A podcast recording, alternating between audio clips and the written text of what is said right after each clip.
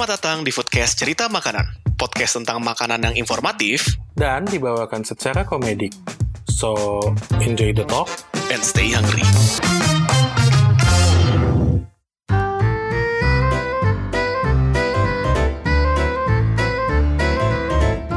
Kembali lagi di Foodcast Cerita Makanan bersama gue Zaki. Dan Brahma, sebelum obrolannya masuk, Zaki suaranya putus-putus di Zencaster. Oh iya udah nggak apa-apa nanti gue editnya biar nggak kerasa putus-putus kok. Weh. Jadi kalau gua ngomong A, B, C, Nggak gitu juga. F. Nggak gitu juga. Hah? Bisa bisa lu iniin. lu kayak gitu terus ntar suara lu gue ganti pakai suara Google Translate kayak suara Anggara kemarin-kemarin.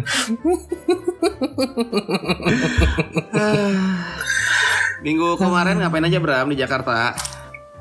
Minggu kemarin walaupun PPKM level 4 nih di Jakarta sekarang tapi kan sudah satu persatu buka.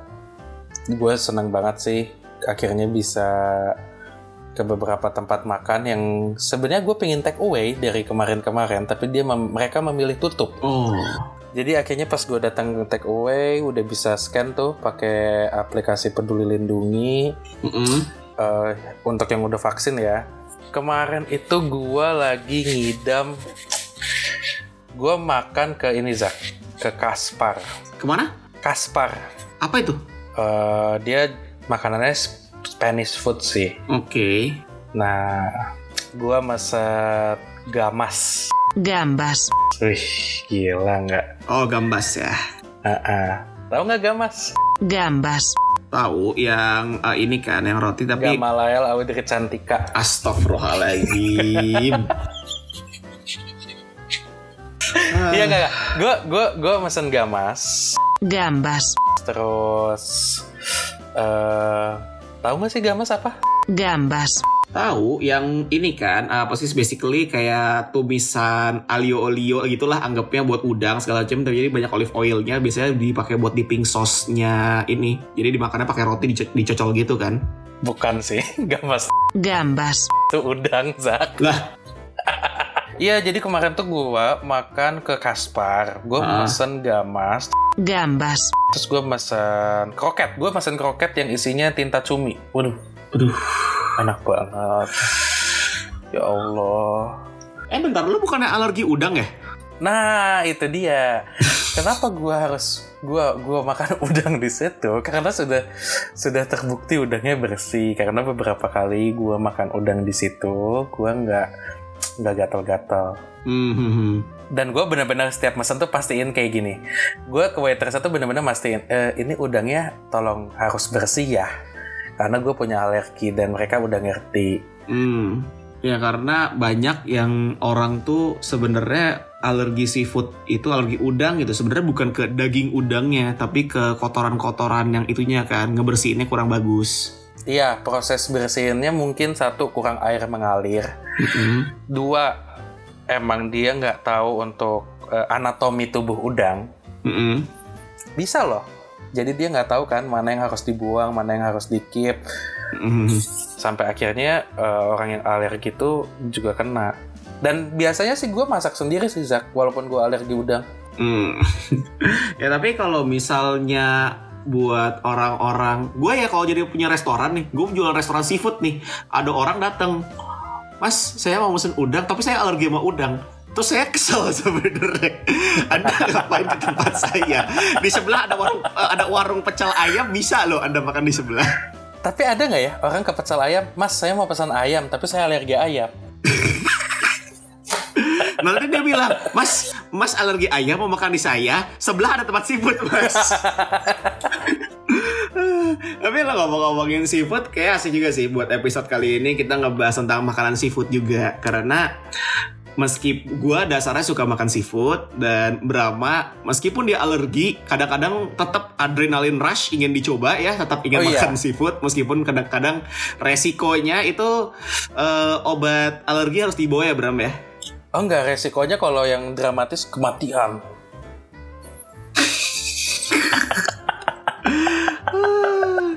Tapi kalau lu sendiri kalau dari seafood ya seafood kan sebenarnya ada banyak nih. Ada Ada ikan, ada cumi, ada udang, ada kepiting, dari ya ada ada kerang. Lu sukanya makanannya tuh apa, Bro?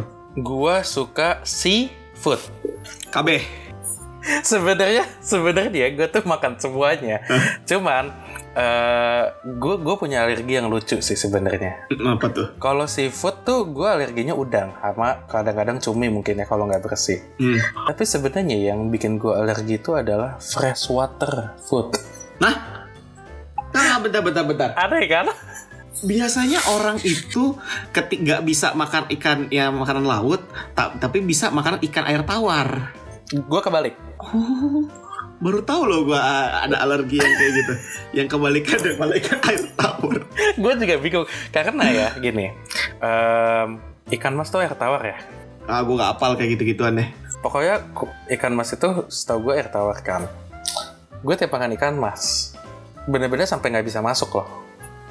S- jadi yang membuat gue nggak terlalu suka seafood dulu dulu ya Hah? itu karena gue sering banyak alergi tiap keluarga gue main ke rumah saudara ada yang masak ikan air tawar segala macam ya dari, kan kalau gue mikirnya kan gini kan eh yang ada harus dimakan Hmm. daripada gue kelaparan kan akhirnya gue makan tuh Hmm. setiap gue makan ikan air tawar gue alergi Baru ketahuan tuh ya. ketahuan sih sampai akhirnya kan eh, dulu tuh gue waktu kecil tuh sama nyokap langganan ya ke rumah sakit Hmm. jadi gue sama nyokap tuh penggemar seafood kelas kakap tapi juga resikonya rumah sakit kita tuh nggak suka bawa obat alergi Zak. Ah, iya. suka lebih menantang emang Ha-ha. jadi biasanya kalau kita mau makan seafood kita ca- cari tahu IGD terdekat di mana karena karena nyokap gue pun begitu. Nyok gue jadi nyokap gue sama gue tuh suka banget tuh. Di Bandung tuh dulu ada namanya seafoodnya Om Happy. Dia tuh tepatnya di depan stasiun eh, stasiun utara. Stasiun ba- kereta api yang utara pintu utara yang sekarang dipakai jadi utama ya kan kalau dulu kan selatan tuh masih sempat dipakai ya Kebun kaung ya? Ah, ah, kan kalau dulu tuh stasiun lama orang bilangnya itu sering dipakainya, tapi kan Mhm. sekarang udah dipindah ke stasiun baru yang which is kalau orang Bandung taunya stasiun utara. Hmm. Nah dulu di seberang itu tepatnya tuh di eh, deket mie kocok. Kalau yang mie kocok kebon kebon jeruk apa kebon jati sih itu ya? Gue lupa deh. Mie kocok itu deh di depan stasiun itu kan ada yang terkenal kan, karena kan dulu kan Kartika Sari itu di situ. Mie kocok kebun jukut meren. Ah iya kebun jukut. Gue lupa. Nama Mm-mm. kebun banyak ya. Dah. Eh ada juga sih kebun kawung juga ada sih. Ah, lu mah nggak usah ngajak ribut lah, udah kebanyakan kebun. Terus? Jadi di situ tuh ada seafood yang jual Om Happy. Omnya happy loh. Heeh. Serius, udah namanya Happy, Omnya happy. Cuman cuman sudah almarhum, sudah almarhum. Oh. Waktu itu makan di seafood situ, dulu kan belum ada rumah sakit Sentosa tuh belum jadi kalau nggak salah, belum ada di situ. Mhm. Jadi kalau abis makan seafood itu, bokap gue tuh sampai paling capek kalau nyokap gue pengen makan seafoodnya Om Happy. Mhm. Seafood itu enak, tapi bersihnya kurang bersih. Oke. Jadi tiap nyokap gue makan, Hmm. mata kiri tiba-tiba membengkak, mata Waduh. kanan membengkak. Habis itu nyokap gue bilang sesek, yuk berangkat Boromius. gue gue awalnya nungguin di Boromius di IGD tuh gue belum kelihatan punya alergi. Hmm. sampai suatu saat bokap gue sibuk ngurus nyokap tiba-tiba gue juga bengkak. Gue cuman ngomong Noel Noel bokap gue apa sesek pak sesek terus akhirnya gue ikut ke, ke kasur sebelah. Alergi. Pasiennya nambah. pasiennya nambah dan itu berulang terus Hmm. mau gua sama nyokap lagi ke Pangandaran mau lagi ke mana sampai akhirnya menjadi sebuah budaya kayaknya di keluarga gua jadi tapi bener loh tapi jadi kebiasaan loh jadi kayak kayak gue kalau mau makan seafood di Jakarta pun atau lagi sendiri ya Hmm. gue sampai akhirnya udah otomatis Hmm. googling Mhm. IGD terdekat Mhm. apotek terdekat Itu kayak lama kelamaan dari Google handphone lu bakal ini. Lu kalau lagi nyari contoh tempat makan gitu, tempat makan uh, seafood apa gitu. Habis itu ada, ada result tempat makannya, langsung muncul apakah Anda juga mencari IGD terdekat?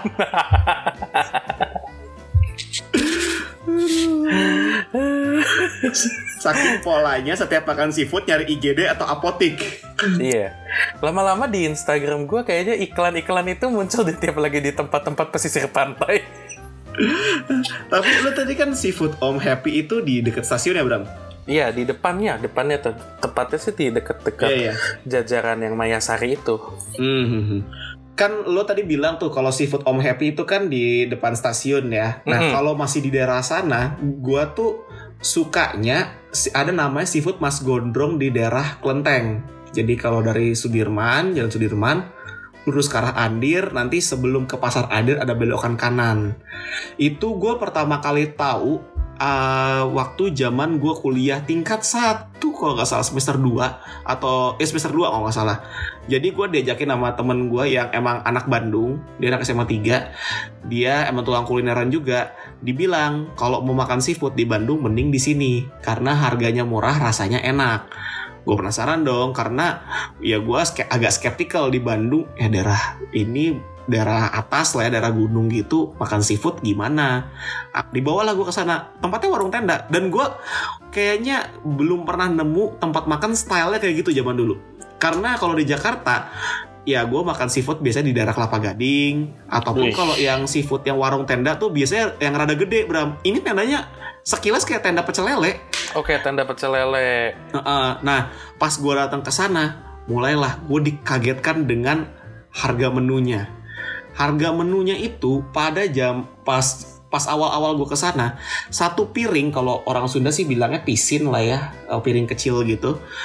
Itu por, eh, harganya masih tujuh ribu rupiah kalau nggak salah. Udang, cumi, kerang itu harganya tujuh ribu rupiah di sana. Jadinya gue kalau ke sana lumayan kalap kalau gue beli di sana tuh biasanya mesen nah paling standar paling minimal nasinya satu lauknya dua satu cumi satu udang sama tumis kangkung satu Loh, bukannya kurang dua porsi, Zak? sabar sabar belum kelar kan Oh, itu belum, belum kelar. minimal. Oh, belum kelar. Belum Gua selesai. kelar. Gue kaget nih, kok cuma tiga porsi ya nasi dua lauk. Uh, ada sayur kangkung ada sayur kangkung Oh, ada sayuran kangkung. Uh, uh, baru empat kan kalau empat artinya apa Bram Kurang. Empat porsi kurang. kurang Satu lagi. akhir akhirnya saya nambah lagi kerang di situ jadi gue di sana biasanya gue preferensinya di situ tuh ada banyak ada saus mentega ada saus padang ada saus tiram yang model-model kayak gitulah ada yang goreng tepung juga yang simple nah kalau gue di situ biasanya nasi putih terus udangnya udang saus mentega terus ada cumi saus padang sama ini eh, tumis kangkung. Nah kalau misalnya gue lagi pengen makan kerang, di situ gue nemu ada kerang yang unik di situ. Biasanya kan kerang kalau gue ya, kalau kerang darah itu gue biasanya cuma direbus doang pakai bumbu saus sambal yang asam manisnya itu. Nah kalau di sana dia ada menu kerang goreng tepung. Jadi kerangnya udah dilepas-lepasin dari cangkangnya, digor eh, dipakai tepung terus digoreng. Terus dia pakai kayak ada bumbu sambelnya kayak sambel kecap gitu. Nah itu jadi salah satu menu ini gue. Nah itu jadi pas tuh eh, lima sempurna. Tapi ternyata pas udah makan lauknya nambah, nasinya kurang, nambah lagi. Jadi menyempurnakan yang sudah sempurna ditambah lagi nasinya satu. nah itu gue eh, di sana kenapa gue merasa ini merasa tempat itu enak karena salah satu kriteria tempat makan enak terutama apalagi kalau makanan Indonesia menurut gue ya kalau bau pas eh, dia eh, yang masaknya numis bumbunya orang-orang di sekitar pada bersin pada batuk. Itu pertanda bahwa di sana bumbunya itu menurut gua lumayan bumbunya bener gitu. Dia pakai bumbunya lumayan pekat nggak cuma asal-asalan. Nah itu makanya pas gua makan di sana wah itu gue emang menurut gua rasa udangnya juga menurut gua sih ya masih lumayan. Mungkin gua karena nggak alergian gua nggak merasa itu kotor juga. Jadi gua udah biasa juga makan di sana dan hampir semua kayak semua deh teman-teman yang gua ajak makan di sana itu suka sama rasanya juga di situ sampai Anggara pernah gue bawa ke sana gak sih Gar? Gue pernah bawa lo ke situ gak sih Gar? Unmute dong? Belum kayaknya deh. Belum ya? Anggara tuh pernah lu bawa ke sana habis makan dari seafood Mas Gondrong, lu makan kue balok apa gitu sama temen lu. Waktu itu, lu ngajak Anggara sama Ardan. Oh pernah Gar Memang Anggara tuh udah lansia kan soalnya, jadi menurut gua hal yang wajar lah kalau dia lupa. Udah ubanan ya. Udah ubanan ya. Eh, tapi Zak, ngomong-ngomong soal seafood Mas Gondrong, terakhir kali gue ke sana itu gue ingatnya bangun-bangun di di rumah sakit Kebon Jati di IGD. Oh, ya. Berarti kalau untuk yang punya alergi uh, seafood jangan macam-macam ke sana. Iya. Cuma kalau misalnya kalian tidak punya alergi seafood, bisa lah ke sana. Karena harganya sampai sekarang pun masih meskipun udah naik ya, masih lumayan murah 10 ribuan kalau nggak salah per porsinya. Dan sebenarnya kalau untuk orang normal nasi satu lauk satu tuh cukup. Tapi buat saya kalau untuk sempurna harus 5 porsi. Jadi ya mau gak mau ya eh, tuntutan dari quotes Tuntutan quotes ya. Ya, ah. Nah, tapi balik lagi kan, gue kalau di Bandung emang jarang makan seafood. Biasanya eh, paling banter gue makan cuma di situ doang, di seafood Mas Gondrong. Kalau lo di Bandung, mana lagi berapa kalau makan seafood? Nah, sebagai orang yang alergian dan suka makan seafood, dan lu tahu sendiri lah, Hmm. gue tuh sebenarnya kalau seafood gue bisa oke, tapi eh, kalau kita mau makan seafood tuh kan gak boleh setengah-setengah kan. Iya. Apalagi lu inget nggak kalau lu tiap ngajakin gue makan ikan, gue tuh selektif banget karena menurut gue banyak orang yang masak ikan itu amis. Hmm. Untuk sekelas seafood yang terkenal di Bandung aja kayak parit, Mm-mm. sama HDL. Mm-mm. Dulu HDL enak ya. Nah, gue juga dulu sebagai langganannya eh, langganannya si HDL nih. Ah. Dulu sebelum dia besar waktu masih tendaan. Mhm. Lebih enak pas tendaan mungkin karena eh, higienitasnya nggak dipikirin kan. Jadi masih ada gurih-gurih dari gurih-gurih tangan masnya yang garuk-garuk hidung lah. Garuk-garuk punggung. Itu ini eh, penyedap rasa. Astagfirullah. Eh, buat para lapar yang lagi dengerin ini mau makan tuh rusak loh. Iya, tapi eh gua itu akhirnya diajakin sama lu juga Zak.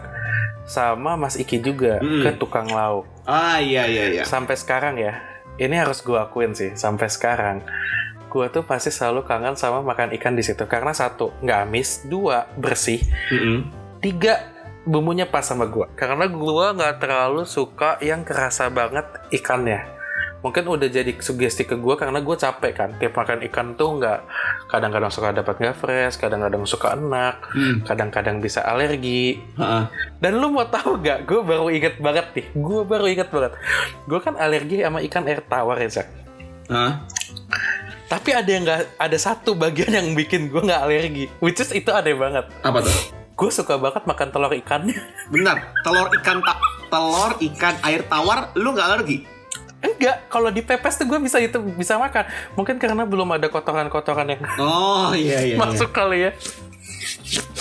Tapi aneh sih, itu aneh banget lah. Kayaknya badan gue tuh selektif banget deh. Hmm. Kayak itu murah nggak mau, yang mahal oke. itu mahal murah, susah nggak? Kalau susah mau. Tapi lu ngomong tukang lauk, salah satu eh, kan banyak orang nggak suka makan seafood itu karena bau amisnya kan. ya, Dan kalau misal di tukang lauk, mereka itu ada extra precaution buat orang bisa makan eh, biar nggak terlalu amis lah Mm-mm. eh, aroma ikannya. Jadi mereka punya teknik namanya goreng bakar. Jadi ikannya itu pertama kali digoreng dulu, habis digoreng, nanti bakal dikasih bumbu terus dibakar. Itu menurut gua teknik yang brilian meskipun pas gua ngobrol sama Wapri di sana itu dikasih tahu bahwa awalnya itu kejadiannya adalah ini dia ada salah orderan atau gimana gitu lupa udah Mhm. kepalang di, digoreng padahal maunya bakar terus gimana aduh digantiin aja ya tapi ternyata yang customernya bilang udah jangan di- jangan buat baru lagi yang tadi udah digoreng dibakar aja Hmm. Nah, gara-gara itu ya udah dibikin go- eh, habis dari ikan yang udah digorengnya dibakar lagi sama Kang Abri pakai bumbunya. Terus sama pelanggannya pas udah terima, dia makan kan dikirimin kan. Pas dimakan, orang-orang yang pada mesen eh, itu pada makan pada bilang itu enak. Jadi ya ke depannya yang awalnya satu pelanggan tuh doang, pelangganan selalu mesen eh, ikannya tuh selalu digoreng bakar lama kelamaan jadi jadi ada menunya opsinya Buk, eh, selain cuma digoreng sama dibakar doang ada goreng bakar Ada nggak ya nanti di tukang lauk Hah? ikan ikan goreng bakar kuah? Eh goreng bakar kuah menurut gua masih mungkin. Jadi kuahnya dipisah bisa aja. Oh bisa kuah pindang, iya bisa loh kuah pindang. Bisa. Mungkin ini jadi ide juga ya kalau ada orang tukang lauk dengerin. Mm-mm. Atau misalnya ada para lapar yang lain minta royalti. Siapa tahu para lapar ada yang datang ke tukang lauk, min tolong dong request dari gue gini, boleh minta ikan goreng bakar kuah di steam. Repot. Eh. Repot. Dan kalau buat gua sih ya eh, sambal dari sana juga lumayan enak. Apalagi kan mereka bikin bumbu bakarnya pun ada bumbu bakar yang jimbaran sama bumbu bakar kecap. Buat orang-orang yang alergi kecap kah eh, segala macam itu juga bisa ada opsi alternatifnya. Nah terus kalau misalnya itu kan masih HDL lo nyebut tadi nyebut HDL sama parit ya. Nah Iya. kalau gua termasuk yang kurang suka sama HDL meskipun hype tinggi kan mungkin kan lo bilang HDL dulu eh, eh, dulu enak tapi sekarang jadi kurang Betul. Nah, gue baru makan HDL itu yang pas pas udah zaman sekarang-sekarang ini, ya Oh, udah di tempat baru. Pantesan. Heeh, pas tahun berapa zaman gue kuliah S1 lah, wah itu mungkin masih 2013 tapi dia udah pindah. Jadi menurut gue, Lu udah agak telat sih, telat itu. mm-mm. kalau tapi gue kalau parit gue suka. Parit gue suka kepitingnya karena itu tempat eh, favoritnya almarhum kakek dulu. Jadi kalau misalnya ada Oh. acara keluarga, mau kakek lagi pengen makan kepiting parit, jadi pasti makannya di sana. Tapi kan balik lagi, dulu saya di Bandung sebagai mahasiswa mikir-mikir ya kalau mau makan kepiting di parit harganya. jadi ya kalau saya lagi kangen makan seafood, solusinya adalah seafood mas gondrong yang masih ramah di kantong. Karena lu bayangin Bram, Kenapa tuh? kalau gue menganut prinsip 4 kurang 5 sempurna, bayangkan gue harus memesan 5 kepiting. gue makan di sana, itu udah bisa ngasih makan berapa banyak orang, Bram.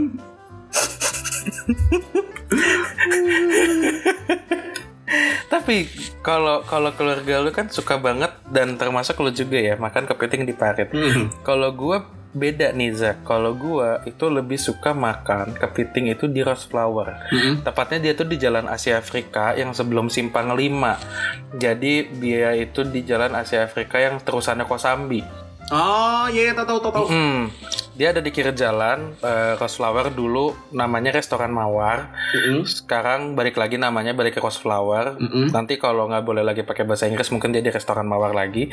nah dulu ada ada gue tuh dulu kenalnya sama namanya si Om Rose Flower tapi dia juga lagi-lagi eh, udah meninggal udah lama sih meninggalnya. Mm-mm. Dia itu kalau bikin kepiting itu udah apa ya udah jadi signature dia sampai kalau kita datang ke sana kalau si omnya yang masak pasti kepitingnya enak kalau pegawainya kurang dikit tapi masih lebih enak dibanding parit Mhm.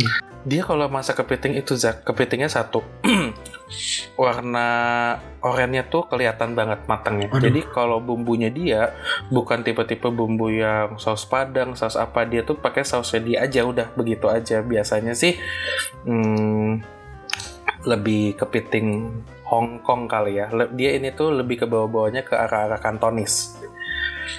Which is kurang lebih mirip-mirip lah Iya, iya, iya. kalau makan telurnya Zak di sana. Jadi biasanya kalau keluarga gue ke sana tuh telepon dulu. Om, saya mau kepiting telurnya. Mhm. Lima. Tuh, lima nih, lima. Tapi sekeluarga. Itu Zak, makan telurnya. Sampai sampai kecapit-capit Zak. Sampai ke kaki-kaki. Allahu Akbar. Kalau dulu mah muda gue bisa makan bebas, kalau sekarang mah mikirin ya Allah ini beres makan ini kolesterol enggak? Aduh parameter kalau misalnya udah makin usia ya makan tuh udah mikir aduh kolesterol, aduh asam urat. Nah, tapi di situ tuh nggak cuman kepitingnya doang. Gua itu dulu nggak terlalu suka kerang. Beneran, dulu gua tuh nggak terlalu suka kerang karena menurut gua rasanya kepasir-pasiran. Mhm. Terus tapi akhirnya bokap nyokap gua bilang kita salah tempat makan, kita harus makan di sini. Pas gua makan kerang di sana dengan saus nanasnya, Hmm. ya Allah. Gue kayak tiap pulang ke Bandung kalau lagi ada rezeki, gue kadang-kadang suka mikir beli kerang rebus kali ya di sana ya. Hmm. Enak juga nih. Atau sop asparagus kepiting telurnya juga ada, Zak. Aduh, Bayangin nggak? pakai asparagus lagi enak tuh. Sop asparagus kepiting telur. Beh, Aduh. kalau beli di sana harus dapat THR dulu baru bisa beli. Iyalah pesennya kan banyakan juga kan. Eh, tapi lo ngomongin kerang pakai eh, saus nanas ya. Ini gue sepakat. Banyak banget orang-orang kalau misalnya menjual kerang darah rebus ya, itu bumbunya pakainya saus tomat. Menurut gue itu kurang Mm-mm. kurang sih. Iya, gue juga eh, menurut gue tuh waktu pertama kali gue makan kerang rebus tempat lainnya ya, Hmm. gue sampai punya parameter sendiri juga Zak. Hmm. Kalau tempat seafood jual kerang rebusnya pakai saus tomat pasti nggak enak. Iya, iya, langsung mindsetnya kayak gitu ya. iya, mindset gue udah kayak gitu kalau ke tempat seafood. Hmm. Nah itu gue kenapa jadi suka bukan jadi suka sih standar gue untuk kerang rebus itu harus pakai bumbu cocolannya yang saus nanas campur pakai sambal kayak gitu gara-gara kalau waktu gue tinggal di Jakarta gue itu rutin makan seafood itu kayak sebulan sekali atau dua bulan sekali di namanya seafood 1001 santai malam kelapa gading Oh. tempatnya itu di seberang kan mau kelapa gading itu kan ada em- mau kelapa gading 1, 2, 3, 4, 5 eh enggak ada 4 langsung 5, 6, 7 kan panjang kan Iya. kan kelapa gading satu tuh yang sekarang jadi kayak area food court food court gitu kan makanan-makanan semua ya kalau zaman dulu gue bisa makan di Sizzler kalau sekarang American Grill ya namanya itu Hmm. Nah di seberangnya itu ada namanya seafood 1001 santai malam. Gua kalau makan di sana itu pasti appetizernya itu adalah kerang darah rebus sama ada kerang hijau. Nah Gila. itu di situ pakai bumbunya sambal nanas. Maka eh, sambal nanas yang udah nanasnya udah jadi kayak pure gitu kan. Udah di jadi bukan nanas potongan nih buat para lapar yang mungkin sambal nanas kayak gimana tuh. Bukan bukan nanas iris nanti dicampur sama sambal. Enggak jadi nanasnya udah kayak di blender gitu. Iya. udah halus dicampur sama kayak sambal sama tomat kayak gitu gitunya lah. Jadi rasanya tuh ada pedasnya dikit ada pedasnya dikit tapi lebih keluar rasa manis dan asam dari nanasnya. Kalau Benar. itu kombinasi yang paling pas sama ini kalau menurut gue ya kerang rebus. Nah itu untuk di makanan-makanan lainnya juga gue suka sampai gue taunya kalau karena gue dari, dari kecil taunya 1001 doang gue nggak tahu tuh ternyata darah kelapa gading tuh juga ada yang terkenal juga kan seafood di sana tuh apa namanya Bram? Eh, gue tuh kalau ke Kelapa Gading itu ke Wiro Sableng 212. Tapi balik lagi, gue harus tekenin sekarang. Waktu masih tenda. Oh iya iya iya. Waktu iya. dia masih tenda enaknya. Iya sempet lah dia udah masuk ke ruko, terus wasi rukonya yang kecil, tuh enak. Itu enak. Tapi terakhir nih kemarin gue sempet ke sana lagi ya sek nostalgia lah gue udah lama nggak ke sana pengen nyoba. Hmm. Jadi Zack dulu seafood Wiro Sableng ini itu kayak seafood Mas Gondrongnya di Jakarta. Oh. Versi gitu. murahnya, Oke, tapi nggak oke. semurah Mas Gondrong sih ya. Iya. Iya iya. Tapi kalau lu pengen makan kepiting telur yang ekonomis, itu di situ tempatnya. Hmm. Nah, semenjak dia mulai besar, sekarang udah mulai banyak cabangnya juga di mana-mana di Kelapa Gading. Hmm. Entah kenapa pas gua ke sana, mungkin gue punya ekspektasi yang ketinggian sampai akhirnya pas gua ke sana satu, harganya udah naik jauh banget. Dua, eh, penyajiannya itu nggak kayak dulu. Kalau dulu tuh lu bener-bener baru baru dari wajan habis masak kepiting kan panas tuh masih berasap ya Hmm. langsung disajiin lu makan dalam keadaan panas. Kalau ini tuh kayaknya tuh kayak dia udah ditaruh di uh, di food passnya dulu ngantri, baru akhirnya dianterin ke meja. Itu sih pengalaman gue terakhir waktu mereka ke sana. Sampai akhirnya gue cerita nih ke teman gue lagi-lagi Andra nih. Si Andra ini, Oh iya ada lagi. si Andra ini bilang ke gue gini, Mane harus coba seafood ameng 99 Kalimantan. Terus gue bilang jauh goblok di Kalimantan. Enggak, goblok di Jakarta. Itu namanya. oh, Nih, orang-orang tuh bikin nama dari kemarin di Ambon di Medan, terus sekarang ada sibuk ke Kalimantan di Jakarta. Punya apa sih? nah akhirnya berapa kali tuh ya gue tuh berusaha untuk datang makan di seafood ameng ini Sam di dia tuh tepatnya ada di jalan Gunung Sahari Hmm. which is deket lumayan deket sih kalau dari dari apartemen gue deket kan apartemen gue kan di Menteng jadi deket ke sana nah gue berapa kali pingin nih makan sama si Andra nggak kesampaian sampai akhirnya gue capek udahlah gue ke sana aja sendirian Kejadian kayak soal kambing anen ya. Iya. Tapi kalau sama kaki kambing Anen gue masih nelfon, masih Assalamualaikum gue di Anen ya, yang enak apa? Ah, Di sini gue lebih mencoba kayak udahlah bodo amat, gue pesan aja deh kerang rebus, eh, kangkung, kepiting, udah lengkap. hmm. Terus gue gue pas mesen, mesen aja enak gitu ya. Terus gue pas duduk, eh iya anjing kan gue cuma sendirian ya, kenapa banyak banget mesen? gue keinget lu Zak.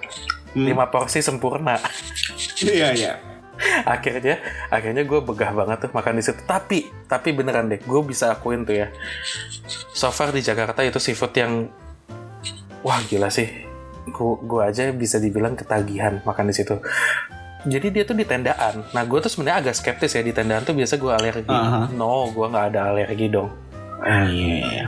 serius deh wah gue makan di situ makan udang. Hmm. gue tuh udah deg-degan ya makan udang karena kan ini gue nyetir sendiri nih. Kalau alergi eh, jadi jauh nih kata gue ini repot nih. Mana mana sekarang kan kalau rumah sakit juga lagi susah kan kadang-kadang iya. suka rame. nanti rebutan sama pasien covid lagi kata gue gue nggak mau kena covid nih. Gue mikir juga kan sampai akhirnya gue gue ngecek dompet dong. Aduh sialan lagi. Obat alergi juga nggak ada lagi kata gue Tapi untungnya aman ya. akhirnya aman sampai rumah aman tapi gue gue ada sedikit ketakutan di mana mungkin sugesti ya gue sugesti kayak eh, tenggorokan gue tiba-tiba serak-serak gitu kan Hmm. udah deh gue minum obat alergi aja eh Hmm. besok paginya gue bangun gue salah minum obat alergi gue alergi karena obat alergi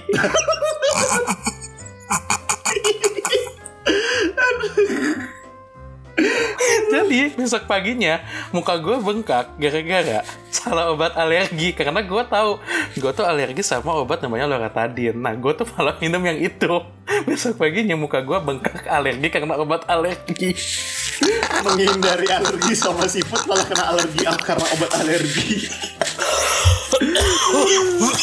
Ta- Tapi tadi lu yang di seafood Ameng 99 tadi itu harganya berapaan, Bang? Waktu gue makan di situ ya, nah harganya tuh masih lumayan relatif eh, aman. Gue tuh spending di sana, dia tuh porsiannya tuh masih di sekitar 30 eh, 40 ribu deh per porsinya dan itu cukup cukup lumayan besar ya. Tapi waktu gue makan di sana tuh abis-abisnya gue itu total itu kurang lebih 180 ribuan Hmm. karena kan satu porsinya kan dia sekitar 30 ribu, 40 ribu ya paling mahal lah.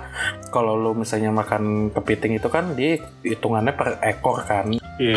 Tuh gue yang mahalnya tuh justru karena kepitingnya dan di situ tuh enaknya kayak gue ngomong kan, bang saya porsinya setengah aja. Waktu gue pesannya sebenarnya awalnya pesannya seporsi, tapi gue baru inget gue cuman sendirian terus gue ngomong kerangnya setengah bang terus eh, kepitingnya satu ekor. Tapi lu ngomongin ini ya, wajar lah ya kalau di Jakarta harga seafoodnya meskipun lebih masih cukup dekat sama lautnya juga, harganya masih lumayan mahal karena standar di Jakarta kan. Iya. Nah, kalau buat gua makan seafood paling puas itu dengan harganya juga itu tuh di Pangandaran. Oh. Langsung dari pusatnya. Betul, langsung dari pusat. Jadi lu makan, lu lihat tuh depan air laut tuh. Lu yakin nih ini makanan nggak mungkin dong dari supermarket dong, depan laut nih. Gak mungkin kalau misalnya jauh-jauh. Beda kalau perkara petis lagi di lagi di Singaparna wajar beli petisnya Wah, ke supermarket. Tapi kalau ini ini lagi makan seafood depan udah kedengaran bunyi desir-desir ombak segala macam. Oh bener nih dari laut nih, nggak mungkin dari tempat lain. Waduh. Nah, buat gua kalau Pangandaran tuh eh, meskipun gua tahu ada beberapa tempat yang rasanya lumayan ya, Mm-mm. tapi yang di pasar seafoodnya kan di sana Pangandaran kan ada ada yang pasar seafoodnya juga kan. Pak, iya iya. Dan di situ tuh ada beberapa tempat yang lo langsung milih-milih makan eh, seafoodnya, langsung dimasak di tempat itu juga. Dan harganya itu wah murahnya nggak ketulungan, rasanya enak. Sepakat. Gue lupa sih nama tempatnya apa. Mungkin kalau lo kan lebih sering ke Pangandaran, mungkin nanti abis ini lo bisa kasih tahu tempat-tempatnya. Cuman gue punya pengalaman.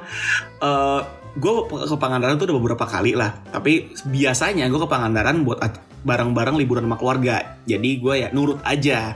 Dan gue makan ya se- eh, ngikutin porsi keluarga lah orang keluarga udah pada pesan apa ya gue makan paling banter divisi bebersih yang ada piring di meja sebelah sana ada yang masih ada sisa saya ambil bawa ke meja saya Divisi sampah. divisi sampah Biasanya seperti itu. Nah sekali waktu gue dulu lagi ada proyek UNESCO ke sana, berapa hari ya gue tinggal eh, tinggal di Pangandarannya. Nah pas lagi hari udah selesai nih survei gue di sana, gue syukuran sama tim gue. Yuk kita makan makan enak nih, kita makan seafood.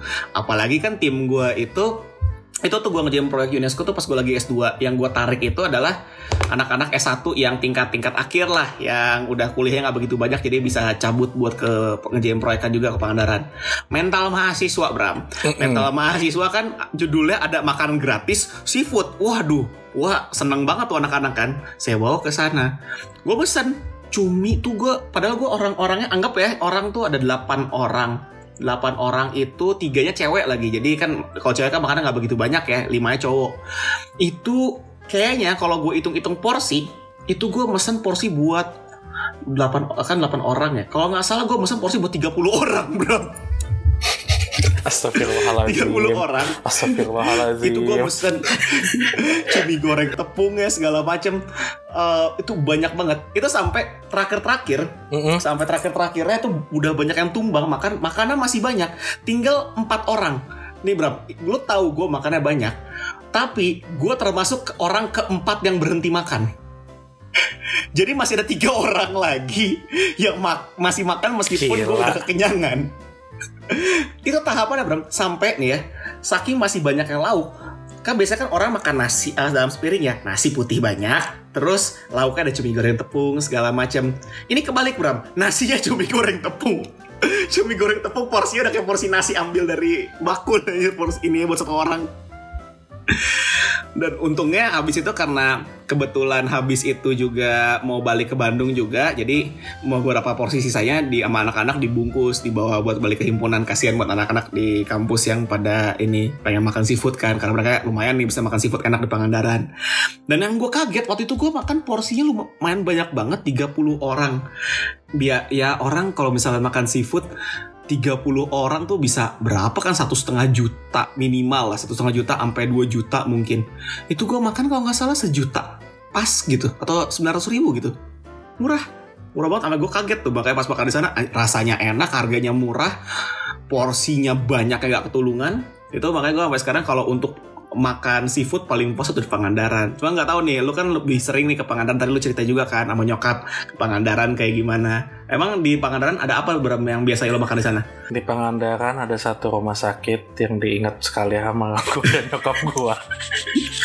Enggak, enggak. tapi dulu tuh di, di zaman dulu Pangandaran itu enggak semaju sekarang ya. Which is sekarang bagus banget menurut gua maju, eh, edukasinya lebih berhasil, eh, lebih bersih. Mm. Jadi zaman dulu karena Pangandaran itu mungkin waktu gua kecil itu waktu kita kecil ya. biar sama lah Zak, biar gak kelihatan tuanya lu Iya iya iya. itu nyari rumah sakit susah. Jadi dulu tuh cuma ada klinik di sana. Kalau lu mau ke rumah sakit harus ke kota Banjar, which is lumayan ja- jauh banget kan. Hmm. Dulu nyokap gua ada kejadian eh, di tempat makanan lenganan keluarga gua namanya Karya Bahari. Mm-mm. Karya Bahari yang ketiga apa yang kedua ya? Apa yang ke satu ya? Ya pokoknya dia ada satu dua tiga. Hmm. Yang gue ingat itu ada setiran kapal di dalamnya, sama ada penyu-penyu. Kalau nggak salah yang ketiga deh. Nah, di situ nyokap gue pertama kalinya padahal itu udah langganan banget karena kita beli makan di situ itu karena yang paling bersih, bersihin udangnya. Nah, nyokap gue tiba-tiba lagi alergi lah kambuh di situ. Sampai akhirnya kita dikasih makan gratis besoknya di Karya Bahari. Waduh. Bertanggung jawab ya. Serius. Jadi saking jadi dulu bokap nyokap gue itu sebulan sekali pasti ada ke Pangandaran. Oke.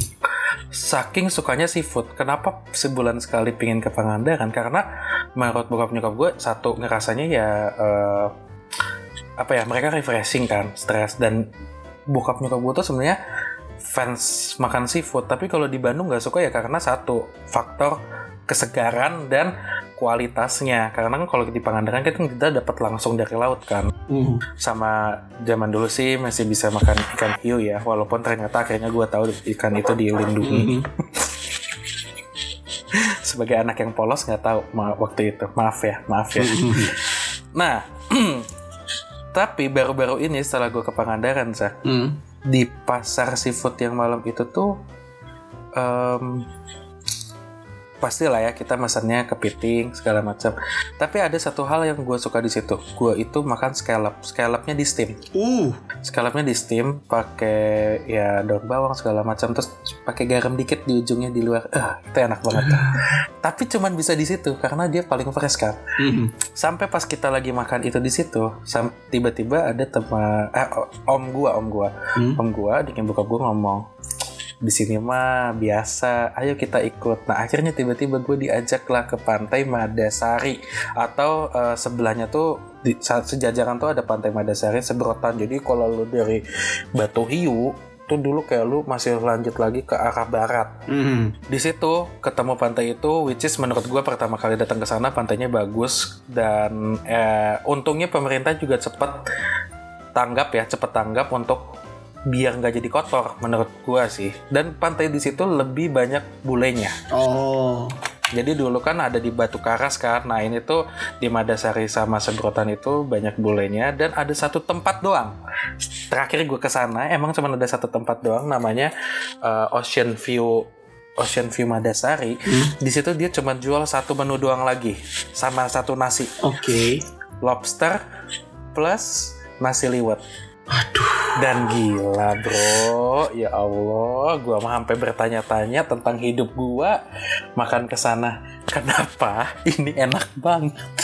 Rela ya. Jadi bener-bener dia bikin lobsternya, keren loh, jangan salah, dia bikin lobsternya pakai rock salt. Wanjir. Serius, tapi gue tanya rock saltnya dari mana? Dia bilang ini produksi kita sendiri dan bener-bener semuanya dia produksi sendiri.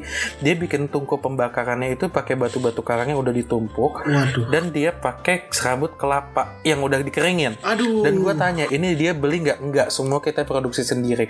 Lobsternya tangkap dari mana? Kita lobsternya juga udah punya penangkaran lobsternya Hmm. sendiri, punya dia sendiri dan kan biasanya kan lobster itu kan di kerangkeng ya. Terus gue tanya, ini gimana lobsternya? Nah mereka bilang ini tuh mereka cuman ada kayak apa ya pembatas aja, Hmm. tapi dibiarin eh, dalam habitat liarnya lah. Ah. Jadi kan biasanya kalau lobster kan udah udah ada apa ya? Gue lupa tuh nama tempatnya. Jadi kayak udah udah kayak penjara lah ya gitu Iya, ya, iya, di dalam iya. laut ditaruh sampai gede kayak gitu kan. Enggak kalau ini tuh dia cuma ngasih pembatas biar lobsternya tuh nggak stres dan waduh gila za itu lobster paling segar paling enak bener-bener dia nyajinnya tuh cuman pakai jeruk limau nasi liwet garmin sama merica sesimpel itu doang Hmm. tapi pas gua makan manisnya aduh. Dan lu kalau ke sana harus reserve ternyata. Oke. reservasinya ternyata adiknya bokap gua udah reservasi hamin seminggu. Oh harus minggu dulu ya. Waktu itu ya waktu itu ya. Hamin seminggu reservasinya. Dan gue bilang eh, di- dan di situ makannya diburu-buru karena harus masuk reservasi selanjutnya Oh. jadi oke. di saat lu datang jam 12 tank Hmm. jam 12 tank itu dia makanannya udah jadi nah di saat kita makan dia udah bikinin yang buat jam 2 Oh, ya. tetap flow-nya ongoing terus sampai kadang-kadang pas sorenya itu eh pa- sampai kadang-kadang kita kan suka nih ya pas makan, uh enak tuh kayak tapi kayaknya lobsternya kurang sampai nggak boleh nambah. Berarti sebelum penerapan PPKM level-levelan yang makan diburu-buru, Anda sudah merasakan ya di sana ya? Oh gue udah merasakan makan makan makan diburu-buru dan ini sistem reservasi dicek. Jadi eh, di- jadi emang tempatnya kecil banget. Jadi di saat lu makan di situ tuh hanya reservasi lu doang. Jadi kalau orang nunggu itu nggak bisa nunggu di depan. Tapi ya udah lu silakan muter-muter di pantai. Nanti lu datang. Lu nggak bisa nunggu di depan. Hmm. Jadi udah merasakan protokol Udah merasakan protokol dan distancingnya ya. Suruh Iya. ke pantai aja udah sana. distancing. Iya. Tapi bener deh itu enak banget. Mm-mm. enak banget. Gua gua bisa bilang lobster yang pernah gua makan paling enak di situ dan sederhana Hmm. banget karena bumbunya bener-bener uh, rock salt, uh, merica. Mericanya juga bener-bener gua tak bukan merica yang udah jadi bubuk ya. Hmm. No, dia bener-bener kayak bikin alat sendiri uniknya Oh. untuk numbuk mericanya. Niat, niat, niat, niat. Niat, niat. Tapi lu ngomongin itu kan tadi bumbunya banyak yang eh, karena bahannya udah bagus ya, jadinya lu pakai bumbu yang relatif simple pun tetap enak. Tapi kan Sepakat. kita ngomongin kreasi Nusantara nih, kreasi Nusantara itu eh, gak semua tempat memiliki eh, memiliki bahan ba- kualitas bahan baku yang bagus. Akhirnya banyak yang mengkompensasi caranya untuk supaya bahannya jadi bagus kayak tadi contoh tukang lauk gitu dengan digoreng bakar Iya. dia jadi amisnya berkurang. Tapi salah satu cara yang di Indonesia digunakan untuk membuat makanan yang sifatnya agak amis jadi tidak amis itu menggunakan sambal. Bermain di sambelnya. Sama jeruk.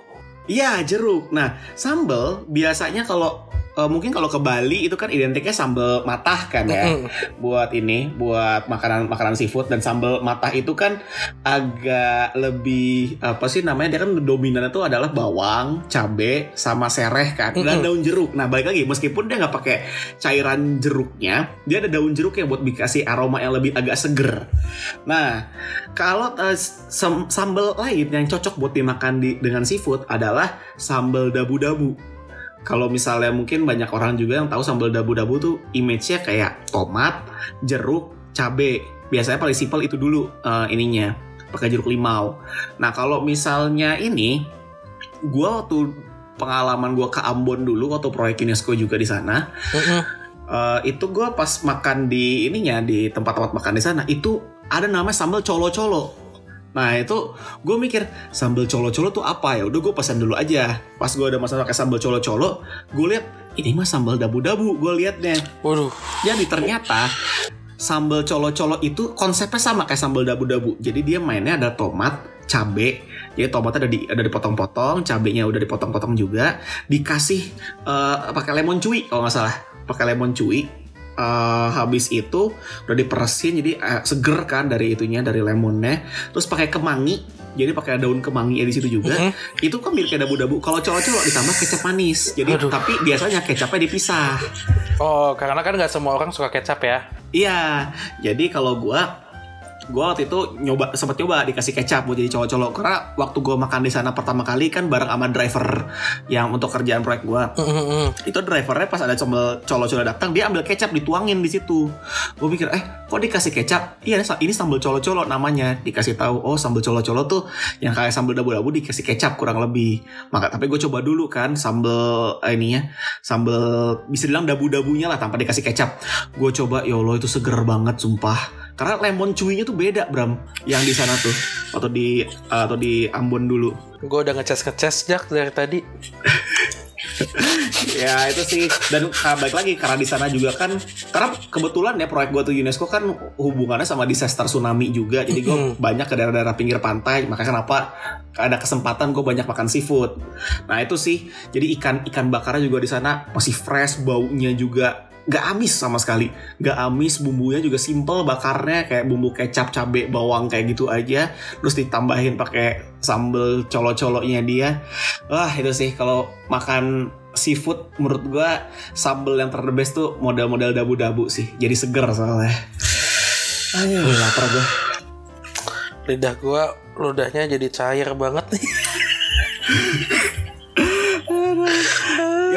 kalau gitu buat episode bahas-bahas seafood ini ya kita sudahi dulu. Mungkin bisa ada di episode-episode lain kita ngebahas lebih detail lagi. Contoh bener-bener bahas kepiting. Karena kepiting banyak loh belum kita bahas. Ada kepiting kenari ada kepiting banyak di eh, Indonesia yang lumayan terkenal juga. Terus juga ikan-ikan banyak juga olahan-olahannya. Tadi kita masih sedikit yang kita bahas. Sambelnya juga Mm-mm. banyak juga. Proses-prosesnya juga masih banyak banget loh. Betul. Sampai ada di pepes, ada di pindang, ada wah ini segala macam banyak lah olahan-olahannya. Tapi untuk episode kali ini kita sudahi dulu. Eh, makasih udah mendengarkan. Kalau misalnya kalian suka sama episode kali ini, silahkan share dan mention kami di Twitter cerita underscore makanan. Di Instagram kita Foodcast Cerita Makanan. Instagram gue zaki.muhammad. Instagram gue Ramadan Brahma. Thank you for listening to this episode. Until next time. Stay hungry.